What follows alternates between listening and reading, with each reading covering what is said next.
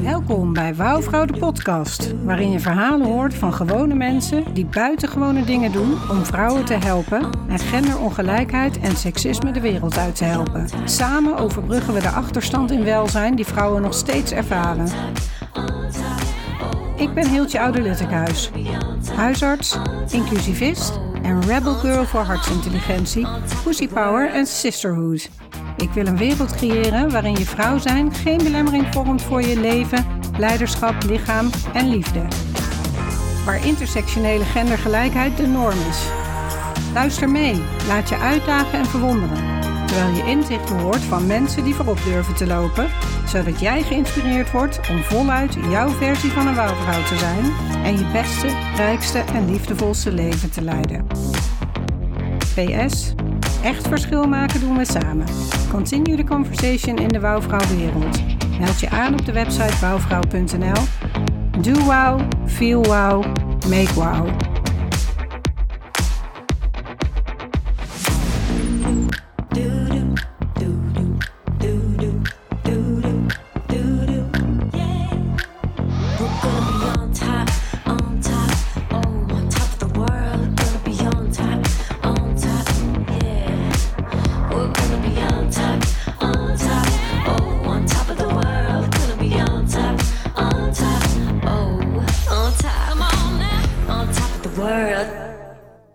Welkom bij weer een nieuwe aflevering van Wouwvrouw de podcast. Doe mij maar feminisme, het is de hoogste tijd. Ik wil alleen maar vrouwen, hoger op de lijst. Tweede, Tweede Kamer. Oh, we're talking politics vandaag. De echte, niet die op je werk. Voordat ik de gast van vandaag introduceer, stel ik je vast gerust. Ook bij deze aflevering hoort een podcast inspiratiepagina. En die gaat natuurlijk over slim stemmen. Zodat het extra makkelijk wordt deze keer wie jij jouw stem gaat geven. En de verkiezingen erna. En die daarna. Ik voel mezelf in ieder geval helemaal voorbereid. Je vindt de cheat sheet op www.wouwvrouw.nl slash. En dat schrijf je met een V, van vrouw. Ik stem op een vrouw. En daarmee zeg ik meteen welkom, Devika Partiman. Dankjewel. Devika Partiman is directeur van stichting Stem op een Vrouw. De stichting zet zich in om meer vrouwen verkozen en politiek actief te krijgen en voor een veilige politieke werkomgeving. Mede dankzij dit werk werden de afgelopen zes jaar al meer dan 700 extra vrouwen verkozen en getraind door heel Nederland. Naast dit werk is ze bestuurslid bij Feministisch Festival Zus en Zo en toezichthouder bij Action Aid Nederland. In 2019 ontving ze de Ribbius Pelletierpenning voor haar verdiensten voor vrouwenemancipatie. Jee, welkom Devika. En ik zeg meteen, wauw. Thanks. Ja, eh, als je het zelf terug hoort, denk je, nou, dat klinkt als heel wat. Ja, nou we maken hem meteen even dieper, want eh, een van mijn openingsvragen, of misschien wel de openingsvraag, is altijd, wanneer voel jij je helemaal wauw? Hmm. Leuke vraag. Ehm, ik denk op twee momenten. Eén als ik dans. Hou heel erg van dansen. Mooi. Uh, dus als ik een leuke dansles heb of wat dan ook, dan, eh, en ik gewoon lekker in mijn lijf zit en in contact sta met mijn, eh, met mijn lichaam en mijn hoofd even uit is, dan, eh, dan. En ook wel echt als ik iets leuks aan het doen ben met werk waar ik iets nieuws van leer. Eh, ik vind het echt heel fijn om nieuwe dingen te leren. ehm, en dat doe ik heel graag door met mensen te praten en naar mensen te luisteren. Dus ik had bijvoorbeeld deze week een lunch met een heel leuk Tweede Kamerlid die ik nog niet kende. En dat was gewoon een heel leuk gesprek waarin we allebei echt erin stonden. Zo van wat kan ik voor jou doen, wat kun jij voor mij doen, hoe kunnen we met elkaar meedenken. Nou, daar, krijg ik ook, daar word ik ook gewoon heel blij van. Dus eh, ja, ook dat soort momenten. Als je Nee. geïnspireerd wordt. Ja, super. Nou, hartstikke mooi. En eh, we hebben ook nog een andere mooie eh, rubriek in de podcast om jou wat beter te leren kennen. Dat is, waar gaat jouw hart sneller van kloppen? Hmm. Ik geef je twee dualiteiten, zo, zogenaamd, hè, misschien wel een Mhm. beetje polariserend. En dan vraag ik aan jou, welke laat jou het hart het meest kloppen? Oké. De eerste is chocola of wijn. Oh, jeetje. Gelijk een moeilijke. Eh, dan toch wijn. Ja, Ja, rood of wit? wit. Oké. Een boek of een podcast? Meestal een podcast, eh, omdat ik simpelweg vaak de concentratie niet heb voor boeken. Oké. Dus de uitkomst dat we dat hebben bedacht met elkaar, hè? of wij, we, eh, Google, weet niet wie het heeft verzonnen. Maar ja, ik vind het wel een hele mooie manier ook om met mensen in verbinding te komen. Ook al is het niet letterlijk, maar dat je in iemands oor. En je hebt natuurlijk ook de luisterboeken, waar ik zelf ook al veel naar eh, luister. Ja, Dat is ook Mhm. wel mooi. Hip-hop of klassiek geeft misschien al wat weg van het dansen. Ja, Hip-hop? ja, ja, ja, mooi. 100%. Ja, en ik bedacht net met het dansen, eh, eclectic dance of salsa. Salsa, ja, ja, altijd salsa. Doe je een specifieke dans of is dans in het Ik algemeen? zit een beetje in de, in de urban en de Latin hoek, dus eh, met hip-hop en salsa zit je redelijk goed. Ja. Oh, grappig, mooi. Ja, intuïtie zeggen we dan maar. Mhm. Nou, nog een lastigere misschien, of helemaal niet. Mannen of vrouwen? Vrouwen, ja. Een kasteel of een camper? Oeh, dan toch een kasteel. ja, het prinsesje in ons. ja. Een bioscoop of Netflix? Bioscoop. Angela Merkel of Jacinda Ardern? Oeh, hebben allebei zo hun kwaliteiten. Ehm, nou, misschien toch wel Merkel. Ah, interesting. Mooi. En ze zijn allebei mooi, hè? Goed. Ze hebben allebei prachtige resultaten Ja. neergezet. En ik weet zelf niet helemaal, want eh, mensen die mij kennen zullen denken, hield je een politiek? Hè? Ah, ik geef mezelf even bloot, dus ik heb echt wat voorwerk moeten doen voor dit interview. Hmm. Deels is dat denk ik ook wel wat jullie met de stichting willen bereiken, dat mensen politiek geëngageerd raken. Dus dat is bij mij in ieder geval gelukt. Maar ik had bedacht, politica of activisten? Activist. Ja. Ja, en Ja. mijn achterliggende vraag erachter was, zie je jezelf ooit de politiek ingaan? Ehm, soms wel. Eh, als je het me morgen vraagt, heb ik misschien weer een ander antwoord. Dus het wisselt soms. Eh, ik heb ook wel eens, eh, ik heb vorig jaar voor het eerst echt een poging gedaan. Toen heb ik gesolliciteerd voor de Eerste Kamer. Maar toen werd ik helemaal onderaan de lijst gezet. Dus, maar dat was de eerste keer dat ik echt een poging heb gedaan. Omdat ik dacht, die functie lijkt me echt mooi en interessant. Dus wie weet komt dat zoiets nog een keer langs en dan probeer ik het weer. Maar Ja, het moet wel voegen. Ja. ja mooi. Ja, nou, ik, ehm, ik vind het heel mooi om te horen, want het, eh, voor mij valt het onder het thema van het moet goed voelen of het moet kloppen voor jou in dit moment. Hè? Coherence. eh, ja, zo. ehm, ik heb ook een love of learning, dus ik was weer een audio aan het luisteren van de week en daar kwam dat in naar voren. Ja, supermooi. Ehm ja, dan komen we eigenlijk meteen bij van hoezo? Hoe ben jij hierin gerold? Waarom heb je in 2017 Stichting Stem op een Vrouw opgericht? Ja, ehm, er gebeurden een aantal dingen in 2016 die daar eigenlijk een heel logisch optelsommetje voor waren voor mij. Ehm, ik was al een paar jaar meer activistisch betrokken eh, geraakt. Ik was niet echt politiek geëngageerd. Ik stemde wel, maar dat was het wel. Eh, maar ik was actief lang in de, de, meer de antiracisme hoek. Gewoon als vrijwilliger. En ehm, toen, ja, als je eenmaal in een van de activistische stromingen zit, die gaat over mensenrechten, gaan er vanzelf al heel veel dingen. Ja, hoe zeg je dat? Ga je vanzelf veel meer dingen zien om je heen waarvan je denkt: hé, hey, wacht, dit is eigenlijk ook niet eerlijk en deze groep wordt eigenlijk ook benadeeld. En als eh, jonge vrouw in een, ik werkte in de festivalsector, kwam ik ook echt wel eens dingen tegen, ook in mijn privéleven, ook met daten. Ik ben hetero, dus nou ja, wat deed je met mannen? Dat is soms ook onveilig bijvoorbeeld. Uh, dus ik had al wel wat dingen zo meegemaakt in mijn leven, waardoor ik dacht, hmm, dat vrouw zijn, dat is toch soms wel ingewikkeld. Um, en in 2016 heb ik uh, twee keer een abortus gehad, um, wat heel erg, uh, me eigenlijk heel erg dankbaarheid opleverde over dat dat kan en mag en veilig kan in Nederland. Ja.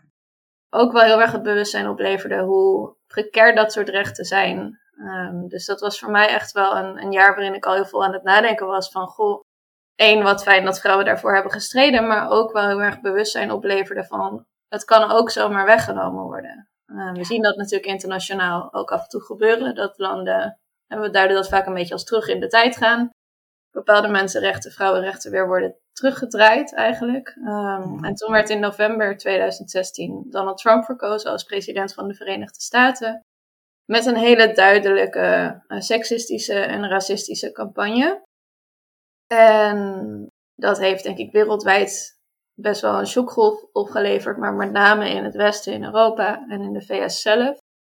Uh, en dat heeft een enorme impuls gegeven, wat dan de enige plaskant is aan het, aan het feminisme, denk ik nu. En wij zijn daar, uh, ja, Stem op een Vrouw is daar echt onderdeel van. Dus toen dat gebeurde, Trump werd verkozen, nou, dat was bij mij echt al, dat er echt iets begon te borrelen. Ik was gewoon echt heel erg, nou, van streek wel daarover ook. En uh, angstig in zekere zin over de wisselwerking die er is tussen de VS en Europa. En wetende dat als daar leiderschap radicaal verandert, dat dat zomaar ook weer over kan waaien naar de andere kant van de Atlantische Oceaan. Uh, dus ik dacht wel echt, oeh, dit is gevaarlijk. Niet alleen voor de vrouwen en mensen in Amerika, maar ook voor ons. En toen zag ik een paar weken later toevallig, uh, toen ik in Suriname was, een flyer daar in een museum van een Surinaamse vrouwenorganisatie. En daar stond op, kies bewust, stem op een vrouw was een flyer uit 1996 van een vrouwenclub daar. Die had campagne gevoerd om kiezers op te roepen om op vrouwen te stemmen. En dat, nou ja, dat, dat kwam zo mooi soort van samen met dat borrelende gevoel bij mij van... Ah, ik moet iets, ik wil iets, ik maak me zorgen. En toen zag ik dat, toen dacht ik, nou, dat, is, dat, dat kan ik doen. Hier is iets wat ik kan doen. Ik kan in Nederland ook zoiets opzetten. En uh, zo is dat gegaan. En toen natuurlijk uh, mensen om me heen verzameld en weet ik het wat allemaal. Maar dat was, de, dat was het vonkje. Wauw. Vlam, ja. Ja, ja, ja, let's be honest, hè. Het is Ja. niet makkelijk dit werk, dus je hebt Nee. echt wel een vlam nodig Ja. om door te gaan. Hè? Dat is Zeker. iets wat ik, eh, wat ik kan beamen. En, en voor iedereen eh, ook die dit hoort, hè, wees je bewust dat je het niet alleen doet.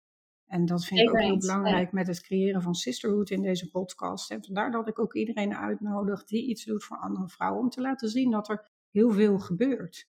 Hè, we zijn heel hard bezig. En ja, hè, zoals een andere gast ook al zei, het is vaak drie stappen vooruit en twee stappen terug. Ja, Hè, Precies. maar eh, ja, als je die vlam hebt en met elkaar die vlam aan kan houden, dan, ehm, dan moet dat toch wel eh, uiteindelijk een richting opgaan. Hè? En hopelijk Absoluut. sneller dan de peilingen, om het dan even met de peilingen meteen te vergelijken. Ja, Ja, en je zei al van. Ja, je zei van. ehm, ehm, ik moest mensen om me heen verzamelen. Want wat was jouw achtergrond? Heb je ervaring met. eh, heb je een politiek, oeh, politicologische studie? Nou, hebben we Nee. die? Ja, nee, politicologie. echt maar- helemaal niks. Nee, ik eh, heb eh, ooit eventmanagement gedaan, een HBO-opleiding. ben festivalproductie gaan doen. En daar heb ik jaren in gewerkt, dus in de, in de Nederlandse festival- en muzieksector. Heel erg leuk. Ehm, dus, maar mijn achtergrond was dus echt dat, praktisch werk. ehm, ja, in de culturele sector, heel wat anders. Dus ik had er echt, eh, nou ja, ik wist wat ik zei, ik stemde wel, maar dat was echt zo'n beetje hoe ver het ging. Ik had verder heel weinig benul wat er eigenlijk precies gebeurde in de politiek. Ik zou echt niet de ministers hadden kun- kunnen opnoemen toen, of wat dan ook, zeg maar. Dus nee, ik was er niet zo mee bezig. Ik denk dat ik veel meer.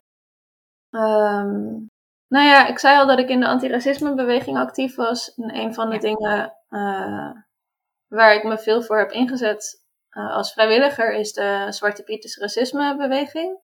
Ja. En dat was voor mij een heel goed leermoment over wat gebeurt er als je politiek niet gehoord wordt.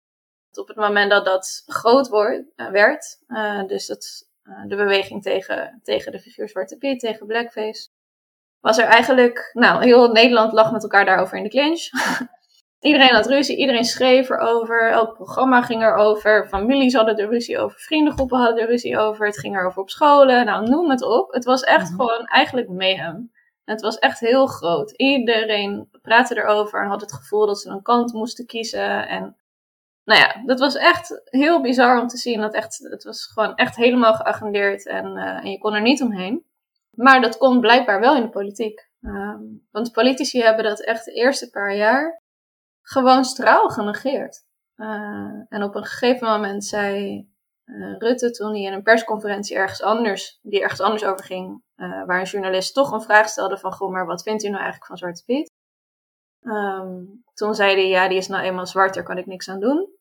En Wilders had natuurlijk wel iets gezegd, want ja, Wilders. En op een gegeven moment kwam Lodewijk Asscher dan, een jaar later of zo. Nou ja, dus het kwam, uiteindelijk kwam er mondjesmaat dat her en der iemand er iets over ging zeggen. Mhm. Maar ja, voor mijn gevoel werd het volk tussen aanhalingstekens toen echt een beetje aan hun lot overgelaten met zo'n ingewikkelde, precaire situatie als racisme. En er zaten toen geen zwarte Nederlanders in de Tweede Kamer. En ik denk nog steeds dat dat met elkaar te maken had. Die stilte vanuit dan met name de Tweede Kamer en de regering. eh, versus het enorme geluid uit de samenleving. En dat er zo'n discrepantie tussen zat, ja, had heel erg te maken met dat zwarte mensen denk ik gewoon niet in de Tweede Kamer zaten. En je dus veel makkelijker eigenlijk kon negeren. Mhm. En, eh, dus ik denk dat dat soort, ik had meer dat soort politieke bewustwordingsmomentjes dan dat ik echt bezig was met, met politiek volgen. Ja. En hoe heb je dat dan aangepakt? Want ja, je moet ergens beginnen. Zeker, ja. Nou wij waren van plan eh, toen we begonnen helemaal niet per se om een hele stichting, een organisatie op te tuigen, maar om echt een eenmalige campagne eigenlijk te doen bij de Tweede Kamerverkiezingen eh, begin 2017. En ik werkte toen eh, bij een campagnebureau waar ik onder andere evenementen organiseerde. En dat campagnebureau had natuurlijk wel heel veel verstand van hoe zet je een bijvoorbeeld online campagne op. Ehm, dus er waren bijvoorbeeld een paar collega's die daar werkten, die al veel meer ervaring daarmee hadden dan ik. Eh, die zeiden, nou, ik wil wel meedenken. Dus zo hadden we eigenlijk een hele goede eh, social media manager die dat vrijwillig deed. Naast haar baan, die daar hartstikke veel ervaring mee had, die dat al heel vaak had gedaan voor verschillende initiatieven. Bedrijven, noem het op. Dus nou ja, we hadden een paar goede mensen vanuit waar ik werkte. Ehm, dus dat was gewoon ideaal. Dat, voor de duidelijkheid, het was niet het bedrijf wat instapte, maar een aantal individuen die daar, Ja. daar collega's waren. Ehm, en via via echt. Dat, ik had één vriendin die heel uitgesproken feministisch was, Nikki.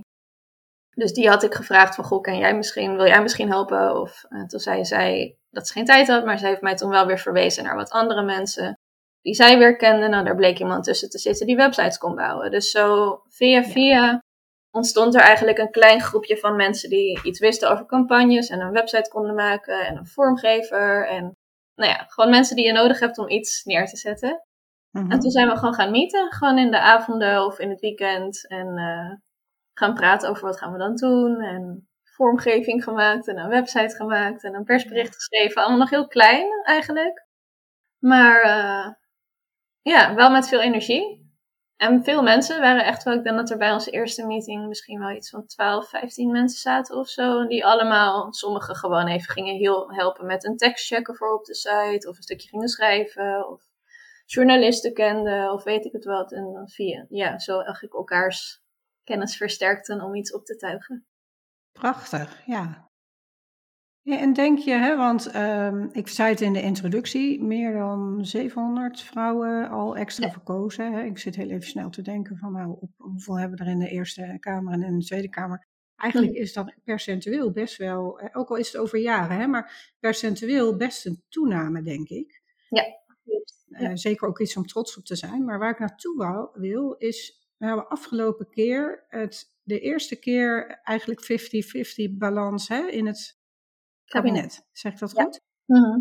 Denk je dat dat ook van invloed is geweest? Hè? Dus door die meer vrouwen in de politiek. Hè? Ja, je kan nooit 100% het verband leggen natuurlijk. Maar voor mij voelt dat wel alsof dat daar... Ja. misschien kon, konden ze er nu echt niet meer omheen, om het even zo te zeggen. Ja, ja, dat is inderdaad ook mijn gevoel. En ik denk dat wij daar zeker aan hebben bijgedragen. Andere mensen eh, ook echt wel. Eh, natuurlijk mensen die binnen partijen dit al langer op de agenda proberen te krijgen. Maar ja, het feit dat wij met onze campagnes hebben we vooral echt bij kiezers, denk ik, hele grote eh, resultaten behaald. Dat echt veel meer mensen, ook van regeringspartijen, op vrouwen zijn gaan stemmen. En dus eigenlijk aan hun partij hebben laten weten op die manier: wij willen meer vrouwen in de politiek. En als jullie niet genoeg vrouwen op de lijst zetten, dan gaan wij het voor je fixen. Door al die vrouwen extra stemmen te geven, eigenlijk. Mhm. En dat signaal, eh gepusht door ons, maar gedaan door de kiezer. Ik denk dat dat een hele grote invloed heeft gehad bij heel veel partijen. Dat ze toch wel dachten, zeker ook bij kandidatencommissies, van hmm, ja, oké. als we dit niet beter gaan doen, dan worden onze lijsten eigenlijk de hele tijd een beetje gehackt door initiatieven zoals dat van ons. En daar zitten ze ook niet op te wachten. Ehm, dus ja, ik weet wel van een aantal partijen die, die, dat die er echt beter op zijn gaan letten. Mhm. En dat dat wel invloed heeft gehad. En tegelijkertijd, nou ja, bijvoorbeeld een D66 in de, in de nu demissionaire regering, hoe je dat ook moet noemen. Ja. Ik denk dat die daar ook wel sterk voor hebben gepleit bij de coalitieonderhandelingen. Dat weet ik niet zeker, maar ja, ik weet dat ze dat als belangrijk speerpunt hadden. Ook wel weer gepusht dus door bewegingen zoals de onze. Dus het is een soort van combinatie, denk ik, van dan de juiste mensen op de juiste plek. En En het wel ook het laten horen van onze stem eigenlijk. Ja, hè? absoluut, ja. Ik Ja. denk wel echt dat dat invloed heeft gehad. Ja. ja, en letterlijk en figuurlijk hè, bedoel ik daarin. Hè? Dus, eh, En ook, wat is natuurlijk soms ook een stukje opportunisme, want als je dan eenmaal ziet, dit is een trend, hè, mensen vinden dit, willen graag meer vrouwen in de politiek, veel mensen belonen dat dus ook met een stem. Ehm, dan is het natuurlijk, en dan denk ik specifiek nu aan de VVD, ook een tactiek. mhm. Eh, te denken, nou, hè, we hebben het eigenlijk heel lang gezegd, we vinden het niet belangrijk. Rutte was eigenlijk een strijder tegen vrouwen in de politiek af en toe in dingen die hij zei. Omdat hij zei, nou, het gaat mij om kwaliteit, ik kijk alleen maar daarnaar. Een soort van dat soort drogredenaties gebruikt om het maar niet te hoeven doen. En ik denk dat hij op een gegeven moment heeft gedacht, het is slim voor de VVD om hier nu in mee te gaan. Want dan kunnen wij zeggen, nee, zie je, wij doen het ook, we vinden het ook belangrijk, wij geven vrouwen ook die kans. En toen zijn ze eigenlijk allemaal vrouwen in de top van de partij gaan zetten. Nu zelfs een vrouwelijke partijleider. Het is natuurlijk supergoed. Ehm maar de ene partij doet het denk ik meer vanuit intrinsieke motivatie. En bij de ander misschien meer een combinatie met als we dit niet doen, is het slecht voor ja, dat mensen op een andere partij stemmen, zeg maar. ja. Dus ja, nou ja, hoe, de hoe de motivatie ook zit, het is, eh, het is sowieso natuurlijk goed. Ja, nou wat ik wel mooi vind, en ik wil je daar ook vragen om, eh, eh, om ons even door de tactiek van slim stemmen heen te nemen. Hè. Maar wat ik alvast daarbij wil zeggen, is dat mij is opgevallen, hè, jullie hebben een ontzettend goede stemhulp op de website. En daar staat letterlijk elke vrouw in de politiek op.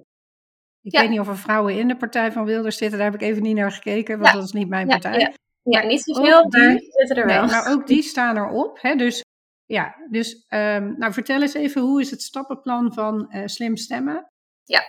Nou, wij willen dus heel graag dat mensen stemmen voor vrouwen in de politiek. En toen we begonnen zijn we eigenlijk gaan onderzoeken van hoeveel mensen stemmen er nou eigenlijk al op vrouwen. Toen kwamen we erachter dat eh, veel mensen dat al doen. Toen in 2017 iets van 10% van de stemmen ging grotendeels dan naar de eerste vrouw op de lijst. Ehm, en dat, nou ja, 10% lijkt weinig, maar dat als je die 10% verschuift, kan het echt een hele grote impact hebben. Want het gaat om honderden duizenden stemmen. Mhm. En toen dachten we, ja, kijk, van oudsher doen veel mensen dat. Die stemmen wel op een vrouw, maar eigenlijk niet zo slim op de eerste vrouw. En die komt er vaak toch wel in. Die staat al hoog. Dus nou ja, als een partij vijf zetels haalt of twintig, ja, dan komt vrouw op plek twee. Die komt er echt wel in, die heeft jouw stem gewoon niet nodig.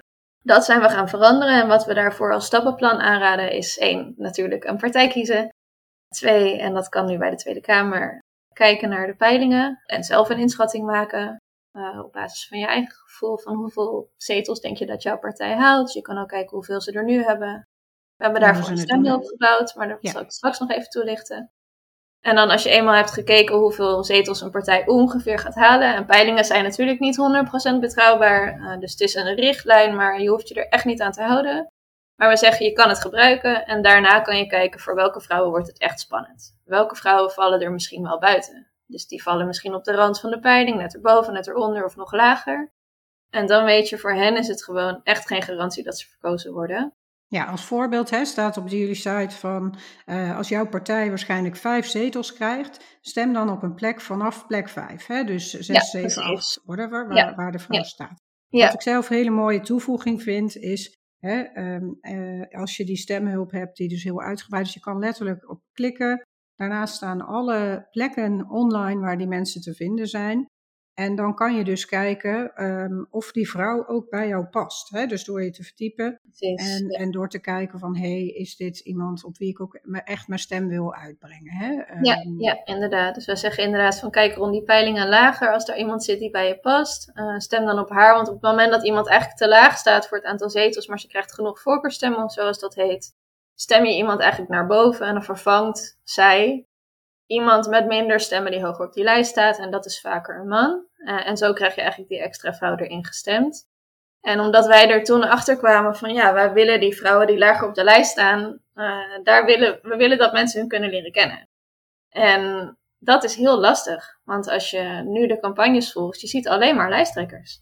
Dat is het, en je ziet zelfs maar een paar lijsttrekkers. Er doen 26 partijen mee. Nou, ik denk dat we misschien vijf lijsttrekkers de hele tijd te zien krijgen en de rest nou echt mondjesmaat, sommige helemaal niet. Dus zelfs die lijsttrekkers zie je niet allemaal. Laat staan mensen die daaronder staan. Dus toen zijn wij gaan denken, nou, partijen hebben vaak wel op hun eigen websites dan de kandidatenlijst. Soms met informatie over hun kandidaat, ook niet altijd. En toen dachten we, ja, dat, dat, dan is het moment dat de kiezer de kieslijst ziet, vaak pas in het stemhokje. Mhm. Dat is gewoon super zonde, want dan kan je je niet verdiepen. Eh, dus wij zijn gaan denken, nou ja, als er dan... Er is in Nederland helaas niet een soort van verkiezingen.nl waar je naartoe kan om al die informatie te vinden van welke partijen doen er mee, eh, welke kandidaten zijn er dan verkiesbaar. Er is geen centrale plek, of die was er niet, dus die zijn wij gaan bouwen. En dat is onze stemhulp. Eh, en dat is eigenlijk heel simpel, het soort, een soort digitaal stembiljet. Dus wat jij straks in het stemhoekje vindt, hebben wij digitaal alvast voor je gemaakt. Alle kandidatenlijsten van alle verkiesbare partijen vind je daarin. En dan kan je bij de vrouwen inderdaad doorklikken, want we hebben bij hen allemaal zitten googelen. Waar kunnen we informatie over hen vinden? En daar linken we naar door. Dus bijvoorbeeld hun LinkedIn, hun pagina op de website van de politieke partij, hun Instagram, hun Facebook. Alles wat we konden vinden aan, eh, ja, waardoor je je kan verdiepen, staat daarin. Dus dan kan je inderdaad al heel makkelijk kijken, oké, ik twijfel tussen drie partijen, dan ga je even kandidaten zoeken. En kijken, nou, wie spreekt mij het meeste aan? En daarin geven we dan ook nog aan wat de meest recente peiling is. Dus dan hoef je dat niet nog los op te zoeken. Nee, inderdaad, heel mooi. Ik had een paar praktische vragen eigenlijk ook, hè, om het wat vatbaarder ook te maken. Want nou, één wil ik zeggen, ik heb het zelf eh, eh, doorlopen en gekeken. En je begint dus met, eh, want dat heb je nu eigenlijk niet heel eh, uitgebreid verteld, hè, maar ook via jullie site kom je bij een aantal algemene stemwijzers. Hè, die heel erg kijken naar wat doet deze partij in het algemeen voor vrouwen. Dus los Mhm. van hoeveel vrouwen zitten erin. Hè, eh, nou, ja, laten we eerlijk zijn, het zal niemand verbazen dat de meer linkse partijen gewoon veel beter scoren op die Ja. punten. Hè? Zeker. En er wordt gelinkt naar een eh, stemwijzer van ActionAid en van Women Inc. Eh, eigenlijk eh, even om het wat te verhelderen. Dus die van eh ActionAid, die heeft, want geen van de partijen laat heel duidelijk in hun programma zien wat ze doen om een feministische transitie, zoals zij het noemen, ehm, en feministische economie te creëren. Maar ze hebben dus zelf een, een tool gecreëerd om wel te scoren en te kijken hoe dragen partijen wel bij en staan deze dingen genoemd. En ze kijken naar vier thema's, dus vrouwenrechten, klimaatrechtvaardigheid, verantwoord ondernemen en duurzame ketens en een gelijkwaardige samenleving. En daar hebben ze alle partijen hè, dan op gescoord. Mhm. En eh, Women Inc. heeft zeven punten voor gendergelijkheid gekozen. Eh, onder andere gelijk speelveld op de arbeidsmarkt, gelijke mogelijkheden en kansen voor financiële onafhankelijkheid te realiseren. En werk en zorg te verdelen, gezondheidszorg op maat, een veilige omgeving en vrije keuze rondom seksualiteit. En een overheid die met al haar beleid bewust bijdraagt aan het creëren van gelijke kansen voor iedereen, ongeacht gender of seksen. Dus ja, ik wil niet sturen in op welke partij je moet kiezen. Vandaar dat ik natuurlijk ook al zei van alle mensen hè, staan genoemd op jullie site. Alle vrouwen zeg ik even. Ik heb iemand gezien waarbij stond non-binair. Ja, En Klopt, ja, kan je daar ook bij doorklikken? Want dat heb ik niet Ja, gekeken. dat kan ook. Ja. Dus eigenlijk alle Alle vrouwen en er zijn vier kandidaten die zich eh, niet identificeren als man of vrouw of die nou ja, op ergens anders op het genderspectrum zitten, eh, Ja. waarvan er een paar non-binair inderdaad.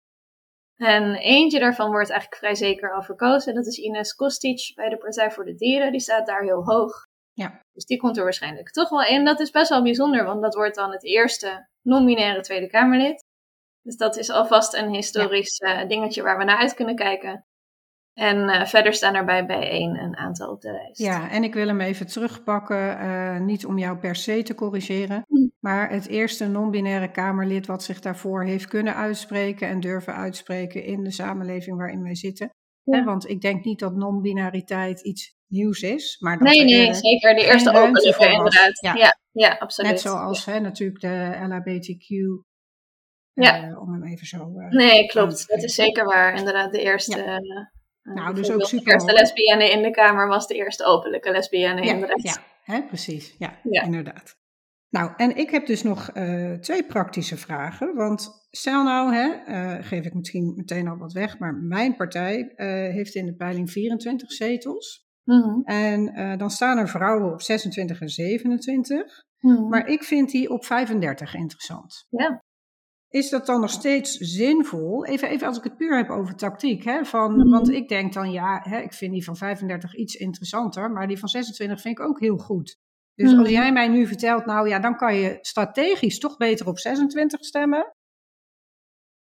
Ja, goede vraag. Ehm, ik denk dat veel mensen denken, omdat wij zeggen lager dan de peiling, kijken mensen ook weer automatisch eigenlijk naar de eerste vrouw eronder. Die, die eerste vrouw blijft toch in mensen hun hoofd het meest plakken. Van, oh, dan niet de eerste vrouw op de lijst, maar de eerste vrouw naar de peiling. Dat is niet wat wij zeggen, maar dat is toch wat veel mensen doen. Mhm. Eh, dus in die zin is een stem op die vrouw 26, 27. Er is de kans groter dat andere mensen dat ook doen. Ja. Dus in die zin creëer je dan massa achter iemand, wat, wat natuurlijk interessant kan zijn, omdat de kans dan groter is dat ze extra verkozen wordt. Tegelijkertijd zien wij ook wel heel erg, eh, en jij bent daar een heel goed voorbeeld van, dat mensen echt wel verder kijken. En eh, dus ook wel zeggen, hé, maar eigenlijk valt mij iemand op daar op plek 35. En dat is om een reden. En die reden, wat die ook is voor jou, er is een grote kans dat dat ook bij andere mensen zo is. Dus dan bijvoorbeeld wat we wel eens zien, is dat er mensen verkozen worden die inderdaad niet de eerste na de peiling zijn, maar misschien wel de derde of de vierde. Want dat is dan bijvoorbeeld een hele jonge vrouw. En dat vinden mensen gewoon tof, omdat je denkt, hé, hey, maar die is onder de 30. Dat zie je bijna nooit. Of omdat het een queer vrouw is, of omdat ze een vrouw van kleur is, die, of omdat het iemand is die heel erg bezig is met het MBO. Of nou ja, iets waar iemand voor staat die opvalt, omdat het eigenlijk omdat we dat niet verwachten van iemand in de politiek of omdat we dat missen in de politiek. Mhm. Dus in die zin denk ik, als jouw kandidaat 35 er voor jou uitspringt, eh, dan is de kans natuurlijk vrij groot dat jij daar niet de enige in bent. Dus als dat jouw favoriet is, zou ik zeggen kies je favoriet. Maar er is zeker ook, een, eh, ook wat voor te zeggen voor die kandidaat 26. En wat ook wel goed is voor, om te verduidelijken wat niet iedereen weet. Is dat op het moment dat je dus lager op de lijst stemt op iemand die er uiteindelijk niet in komt, dan gaat je stem niet verloren. Dus je stem gaat dan nog steeds naar de partij, draagt bij aan het aantal zetels dat jouw partij heeft. Alleen je maakt dan geen lijstverschuiving, zeg maar. Maar ja, je stem is niet verloren als je kandidaat het niet haalt, zeg maar. Dus dat is ook wel goed om te weten. Ja, ja, nee, zeker. Want anders zou je natuurlijk kunnen denken van ik moet op die 1, 2 of eh 8 stemmen, hè, bij wijze. Ja. Ja, nou en wat een beetje mijn tweede vraag was in aansluiting hierop. Ik vond mezelf heel slim in de zin van eh, bij de vorige verkiezingen. Ja, is dat dan slim of geprivilegeerd? Maar ik was extra onder de indruk dat ik mocht stemmen, want ik had net een boek De Omwenteling gelezen van Susanna Hm. Jansen. Die maakt echt heel mooi duidelijk van, nou, hè, we hadden stemrecht en toen duurde het nog vier jaar voordat we überhaupt konden stemmen. Dus ik was helemaal vol van, oké, het is heel bijzonder. In plaats van dat ik normaal ging stemmen, want nou, het is een plicht, hè, ik moet ook een keer stemmen Ja. inderdaad. Dacht ik van, nou ja, ehm, we, gaan, ehm, we gaan het vol enthousiasme, we can do this, eh, doen. En toen had ik bedacht, als ik nou niet op de, want volgens mij was toen nog het advies eventueel zelfs hè, op de tweede of derde vrouw stemmen. Nog niet zo Hm. heel concreet met de peilingen, of dat heb ik niet meegekregen. En, Ja, er eh, zijn ook bij veel verkiezingen geen peilingen. Dus dan. Oh, eh, kijk, ja, dat zou kunnen. Ja, nee, ja, dus, en dan zeg je dus van niet de Europa, eerste. Dan, dan is het er wel, maar bijvoorbeeld met gemeenteraad, dan is er gewoon geen peiling. Dus dan zeggen wij ook gewoon, ja, we kunnen niet precies zeggen wie er laag staat, dus succes ermee. Oké, ja, tuurlijk. Ja, zie je, en jij noemde net al van, nou, als iemand jou meer aanspreekt omdat hij Ja. queer is of omdat hij een bepaald eh, maatschappelijk standpunt inneemt, moet je dat vooral doen. Ik had toen dus zoiets van, ja, hè, tuurlijk, die witte vrouwen, ja, even lullig gezegd, maar hè, eh, witte vrouwen, die komen er misschien wel, hè, gewoon door Ja. eh, dat wij de meerderheid zijn. Dus ik dacht toen, ik ga stemmen op iemand van kleur, zodat die mogelijk Ja, Ja. Maar dus dat is ook echt wel, dat zou ook kunnen helpen om meer mensen van andere. absoluut. Ja, en als jij, zeker, ja. Dus, en ik vind, ik vind dat ook wel echt heel fijn dat het gewoon, het gaat ons gewoon heel, ik bedoel, meer vrouwen is absoluut mijn doel. Maar als, het, als onze campagne ertoe leidt dat iemand denkt, maar wacht even, er zitten nauwelijks jongeren in de politiek. En ik zie iemand van 24 en dat is een jongen of een man. Ja, prima, stem lekker op hem. Weet je, het gaat mij erom dat mensen daarover nadenken van wie wordt hier nou wel en niet gehoord. Kan ik daar iets aan doen? En als dat mensen van kleur zijn, als het jongeren zijn, als het vrouwen zijn, als het, nou, noem het op. Dat is- zijn natuurlijk soms ook crossovers. Dat kan ook een jonge vrouw van kleur zijn. Dan heb je er drie in één. Ja, nee, tuurlijk. Ja, maar ja, dat, dat bewustzijn en inderdaad stemmen op iemand waarvan je denkt, jouw stem wordt te weinig gehoord. Ja, super mooi. Ja. Nee, nou, kan je ons nog eens een keer meenemen waarom het inderdaad belangrijk is om eh, te zorgen dat er meer vrouwen in de politiek komen? Ja, absoluut. Ehm, representatie heeft eigenlijk heel veel positieve effecten. Er is ook best wel veel onderzoek naar. En het is eigenlijk, het heeft verschillende functies. De eerste, je noemde hem ook al als die rolmodelfunctie. Vrouwelijke politici, zeker op hoge functies zoals minister of minister-president, eh, kunnen een enorme impact hebben op kinderen met name. Kinderen die opgroeien met politieke rolmodellen, eh, weten we dus uit onderzoek, ontwikkelen hogere ambitie. Niet alleen politieke ambitie, maar überhaupt hogere ambitie. Dus als meisjes opgroeien met een vrouwelijke premier, of jongens met een man die premier is, wakkert dat hun ambitie aan. Dus het is echt voor kids super, super, super belangrijk dat zij verschillende eh, politici zien die leiding geven. Ja. En dat is nu nog te weinig zo. En dat zien we dus ook heel duidelijk. Eh, er is politieke interesse bij meiden en bij vrouwen is echt significant lager eh, dan bij jongens en bij mannen. En neemt ook af naarmate we ouder worden. Dus ja, hoe meer we in de echte wereld terechtkomen, denk ik, als en ouder worden, van kind naar puber naar, naar volwassene, zien we steeds meer, hé, hey, dat is blijkbaar niet voor mij, en, en wordt die ambitie nog lager. Mhm. Dus eh, alleen al daarvoor, voor de ontwikkeling van kids, super belangrijk. Dan levert het ook inhoudelijk wat op. Representatie wordt vaak een beetje, nou, soms wel een beetje lacherig over gedaan. Of dat mensen gelijk iemand gaan noemen zo van, ja, maar deze vrouw komt niet op voor vrouwen. Dus het Mhm. werkt niet, zeg maar. Ja. Maar waar representatie eigenlijk meer inhoudelijk over gaat, is dat bijvoorbeeld als de groep mensen die ergens over meepraat eh, een beslissing moet nemen en die groep is niet divers, dan mis je daarin gewoon een aantal perspectieven. En dat betekent dat er een ander gesprek wordt gevoerd, dat er andere vragen worden gesteld en dat er andere oplossingen worden aangedragen. Dus hoe diverser de groep is die meepraat, hoe creatiever een groep eigenlijk is en hoe meer rekenschap zij geven van de realiteit, die natuurlijk divers is. De samenleving is divers, dus die realiteit is divers en daar moet je je toe verhouden. Uh, dat is moeilijk met een niet-diverse groep, want dan kan je niet je inleven per se in iedereen, ken je niet elke ervaring. En hoe beter al die ervaringen gespiegeld zijn, hoe mooier. En wat ik daar ook wel ingewikkeld aan vind, is dat mensen dat heel vaak betrekken op het individu. Dus dat dan bijvoorbeeld mensen gaan zeggen, ja, maar ja, vrouwen brengen niet per se altijd het perspectief van vrouwenbelangen mee. Nee, natuurlijk niet. Uh, want vrouwen zijn ook mensen en zijn ook super divers. Dus niet elke vrouw is bezig met vrouwenrechten. Er zijn ook vrouwen die actief in de politiek opkomen voor dingen waar heel veel andere vrouwen last van hebben. Ja. Uh, dus dat bestaat ook. Maar wat we wel weten is dat de kans simpelweg groter is dat een vrouw voor vrouwenbelangen opkomt en toch een ander perspectief meeneemt dan haar mannelijke collega, dan niet. En nou, ja. gewoon puur ook op basis van jouw ervaring als vrouw, hè, of als uh, persoon die in een rolstoel zit. Hè, uh, ik loop op twee benen. Ik heb echt een ander perspectief. Ja, het is altijd heel grappig ja. uh, als je kijkt naar. ik kom uit de medische wereld, hè, zoals jullie weten.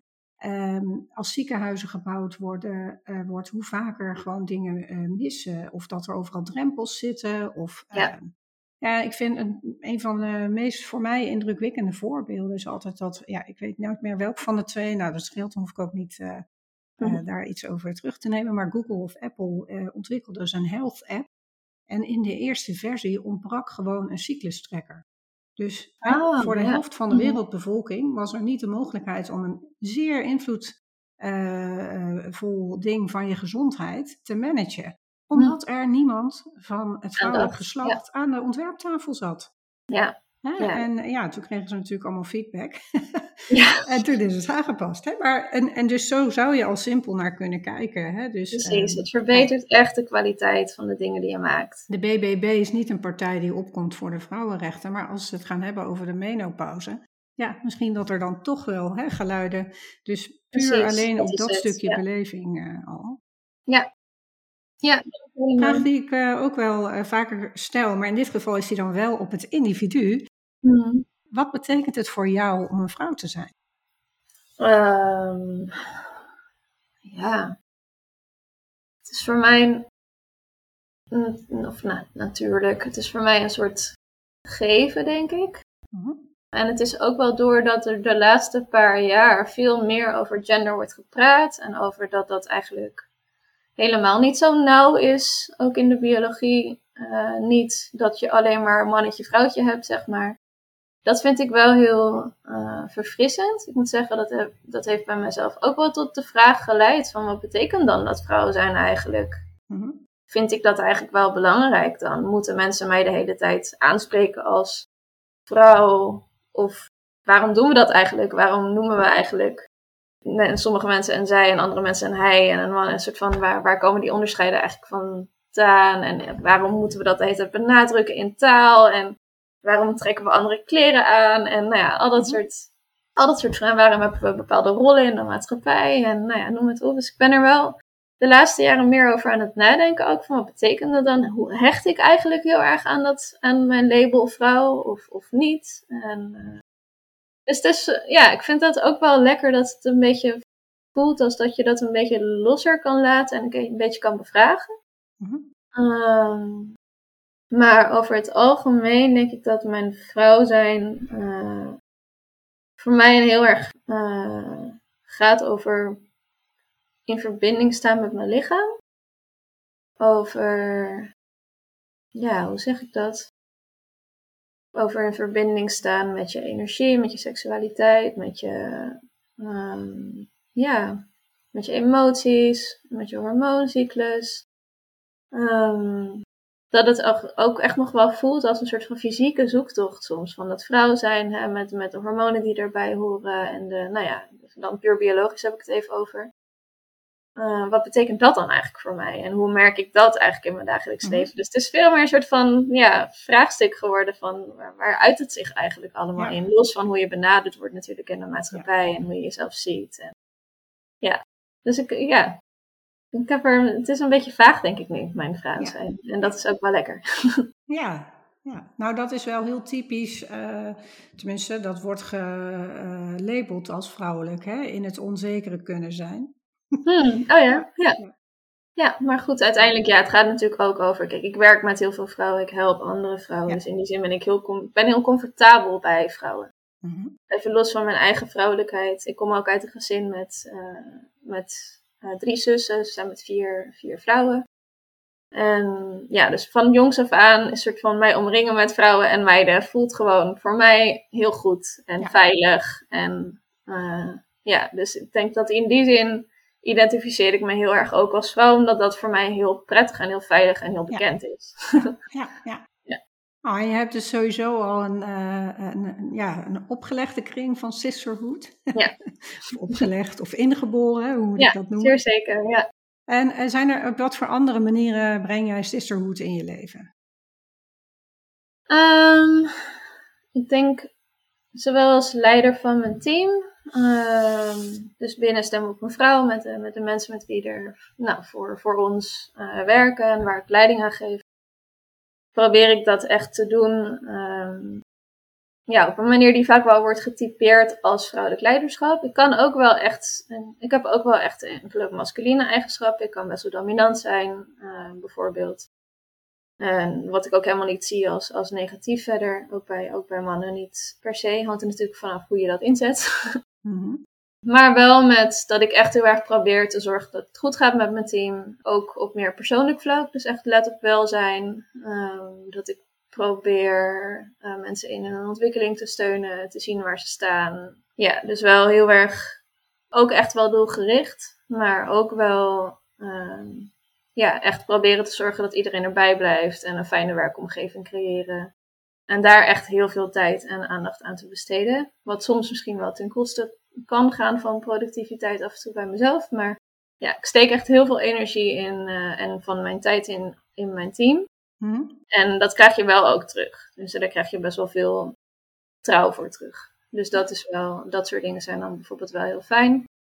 En verder, ja, met, met Stem op een Vrouw helpen we gewoon heel veel andere, andere vrouwen op weg. eh, op hun politieke verkenning bijvoorbeeld. Of als ze in de politiek zitten, proberen we hen te ondersteunen. Eh, niet inhoudelijk, maar veel meer in inderdaad die werkomgeving. Hoe ga je daarmee om? Hoe, hoe hou je jezelf staande? En probeer dat ook heel erg aan te wakkeren bij hen weer. Dus dat het een soort van pay it forward wordt. We hebben bijvoorbeeld een mentornetwerk waarin we dan vrouwen en meiden die interesse hebben in politiek erover twijfelen van is het iets voor mij. Die koppelen we dan aan vrouwen die al actief zijn of zijn geweest. Mhm. En door dat te doen, creëren we ook een soort van schil van mentoren die het normaal gaan vinden om andere vrouwen te helpen. En ook vrouwen die niet bij hun eigen partij zitten. Dus Oké. om echt die brede, nou ja, inderdaad dat zusterschap, dat je dit voor elkaar doet. Dat je elkaar helpt, je ervaring met elkaar deelt. En dat normaliseren en verspreiden en aanmoedigen. Dat dat, eh, ja, dat vind ik daar wel een heel mooi voorbeeld van. Want je ziet toch in de politiek wel veel dat mensen wel elkaar bijvoorbeeld steunen of helpen, maar echt binnen de partij.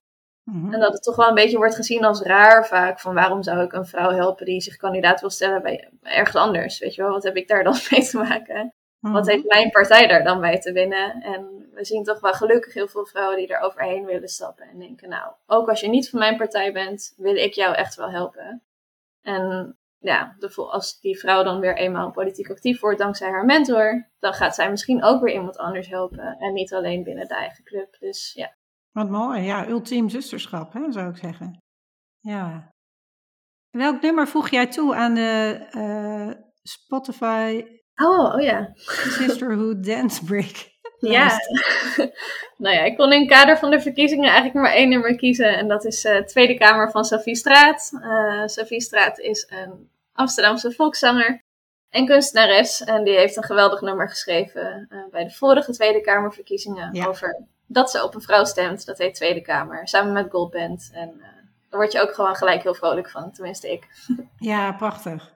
Zeker. En ehm, ja, wie weet mogen Sofie ook nog een keer verwelkomen in de podcast. Zou ik zeker proberen, ja. Ja, ja de lijntjes staan uit. Dus dat zou mooi zijn. Want zij is ook Ja. echt actief in ehm, bewustwording creëren. Niet alleen voor vrouwen, maar voor ongelijkheid. En, Ja, eh, heel maatschappelijk betrokken kunstenaar. Ja, zeker. Wat, wat is jouw wens voor vrouwen en meisjes in de toekomst? Hmm. Ehm, nou, ik denk dat de. Wat hoop je dat er Ja, anders het is? woord hè? is al een paar keer gevallen, maar ik denk de, de primaire behoefte. eh, of het primaire doel is echt veiligheid. Ja. Dat de wereld gewoon veiliger wordt voor meiden en vrouwen. En dan hebben we het niet over de man in de bosjes, eh, die over het algemeen niet slash nauwelijks bestaat. Maar over de veiligheid thuis, in relaties, eh, op straat, op de werkvloer.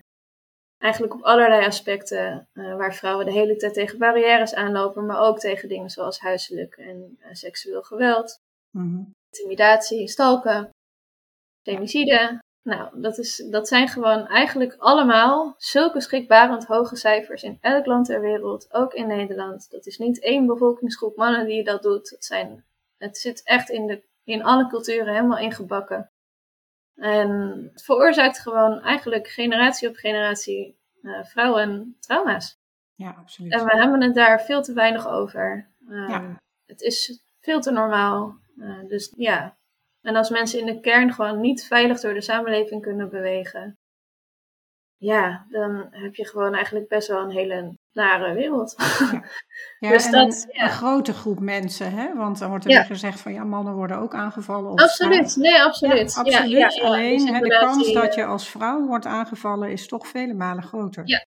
Ja, en het, het, het stomme is, de man, eh, voor niet één persoon, maar de, de manheid, is ook heel erg slachtoffer van zichzelf. Ja. Dus als je kijkt naar geweld eh, waar mannen last van hebben, eh, want dat is, ook, dat is er zeker ook. Hè. Er is niet voor niets dat jongens op school vaak al beginnen met elkaar, met elkaar beginnen te vechten en dat soort dingen. Mhm. Jongens en mannen hebben veel last van geweld van andere mannen. Ja. Dat, maar dat is dus wel vaak van andere mannen. En soms zeker ook door vrouwen. En Dat is niet om dat te bagatelliseren, dat is er ook. Dat is ook helemaal verkeerd. Maar het is inderdaad, ja, binnen masculine cultuur, binnen mannelijkheid, eh, wordt geweld gewoon heel erg genormaliseerd. En Ja. eh, daar heeft iedereen last van. Nou, dat zou een heel mooi streven zijn om eh, ja, te verminderen. Ik denk dat dat ook een doel is van het hè, want dat, wij hadden het heel even over in, de, in ons gesprekje vooraf van dat mijn werk zich met name echt richt ook op het stoppen van seksisme. Want dat is Ja. wat ten grondslag ligt aan de ongelijkheid die er is. Hè, en dit zijn allemaal uitkomsten daarvan. Van, ja, van kleine microagressies op het werk tot geïnternaliseerd seksisme eh, en Mhm. ook ehm femicide. Ja, Ja, exact. En mijn hoop is dat dan dat kleine stukje van meer vrouwen de politiek in krijgen bijdraagt en dat er meer aandacht voor is. ja. Nou, natuurlijk niet alleen daarvoor, want het is ook super belangrijk dat er aandacht is voor de zorg, voor de kinderopvang, voor, nou ja, noem, voor alles eigenlijk, sport, noem het op, met een vrouwelijk perspectief. is ook allemaal belangrijk. Uh, maar ik hoop inderdaad wel dat dat stukje politiek gewoon in ieder geval bijdraagt aan dat dit allemaal meer gezien en geagendeerd wordt. Ja, absoluut. Nou, ik denk dat het wel belangrijk is. We hebben dat nog niet zo expliciet genoemd, maar en misschien is het alleen mijn overtuiging. Maar wat jij al noemde van de rechten die we hebben gekregen, waarvoor we hebben gevochten. Uh, nou ja, bijvoorbeeld uh, uh, de wet op niet discrimineren. Mm. Sommige dingen worden gewoon niet nageleefd. Nee. En het kan ook maar zo weer afgenomen worden. En dan, ja, ja, er zijn partijen die dat echt in hun verkiezingsprogramma hebben staan. Dat ze het antidiscriminatiebeginsel eigenlijk weer uit de grondwet willen. Uh, dus ja, dat, dat is gewoon inderdaad reëel als dat soort partijen groter worden. Ja, en maar ik denk dus het meer, het krijgen bijvoorbeeld, hè, dan heb ik weer even over het voorbeeld misschien van de abortuswet, maar meer vrouwen uh, betekent misschien ook wel een verankering waardoor bijvoorbeeld de abortuswet wie weet ooit uit het strafrecht kan. Hè? En uh, ja, dat die verankering van... in ieder geval de kans, ja. Ja, dat die verankering uh, van, van die rechten ook beter wordt. Hè? Dat het ja. niet meer zomaar af, uh, afgenomen of terugveranderd kan worden. Ja. Ik vind het altijd belangrijk om, niet dat dit niet positief is, hè, maar uh, om heel positief te eindigen. Dus ik ben nog heel benieuwd naar jouw definitie, want jij, we hebben het nu gehad over waarom jij een wouwvrouw bent en voor oploop met jouw bijdrage aan een inclusievere en een veiligere wereld voor vrouwen. Maar wat, Hmm. wat zou jouw definitie van een wouwvrouw zijn? Hmm. Ik denk iedereen die, uh, die iets durft te doen wat spannend is. Dus bijvoorbeeld in haar omgeving een gesprek aangaat over iets wat zij belangrijk vindt, ook al weet ze dat die omgeving daar misschien wel uh, negatief op gaat reageren.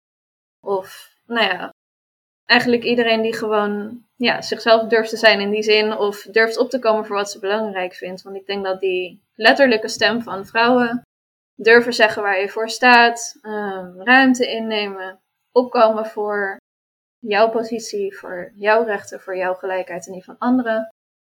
Dat dat, uh, ja, dat vergt gewoon zeker in deze samenleving gewoon moed. Dus iedereen ja. die, die moed vindt of uh, daar iets mee doet, uh, ja, dat, dat is indrukwekkend, denk ik. Ja. Yeah. Devika, als andere mensen jou of met name misschien ook de stichting uh, willen vinden, waar kunnen ze dan naartoe gaan? Ja, wij heten dus Stem op een Vrouw. Uh, dus dat is stemopenvrouw.nl en .com. De website is ook in het Engels. Uh, dus voteforwoman.com. Stuur dat vooral door naar Engels sprekenden om je heen. Uh, we zitten op alle social media behalve TikTok. Dus uh, Stem op een Vrouw. En je komt daar mij vrij automatisch tegen. Maar als je even Devika Stem op een Vrouw googelt, dan, dan kom je er wel. En die stemhulp vind je dus ook gewoon op onze homepagina. Dus stemopenvrouw.com. Dus verder ja. hoef je nog niet te zoeken. Super. En ik maak dus een mooie cheat sheet om te kijken hoe je slim kan stemmen met linkjes naar de stemhulp toe. Dus ga ja. vooral naar de website ook om die te downloaden. Dankjewel, Devika. Ik corrigeer me, want ik zei het net volgens mij niet goed. Excuses daarvoor. Heel erg bedankt voor je tijd en voor dit mooie uh, stukje inkijk in hoe we meer vrouwen in de politiek kunnen krijgen. Heel graag gedaan.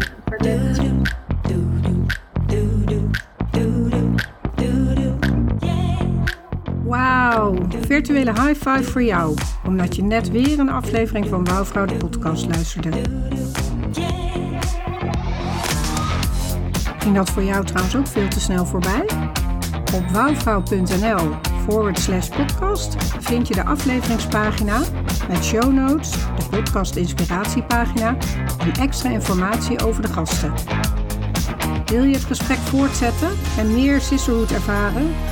Continue the conversation in de Wouwvrouwwereld. Een gratis community voor vrouwen die zonder stress liefdevol willen leven en leiden. Meld je aan op wouwvrouw.nl. W-O-W-vrouw.nl En als je direct sisterhood wil beoefenen, deel dan deze podcast en de community met elke vrouw in je leven. Om dingen te veranderen heb je mensen nodig die voorop durven te lopen. Mensen zoals jij. Hallo, wonderlijke wouwvrouw. Vergeet niet dat je een prachtig mens bent. Bedankt voor het luisteren. Do wow, feel wow, make wow.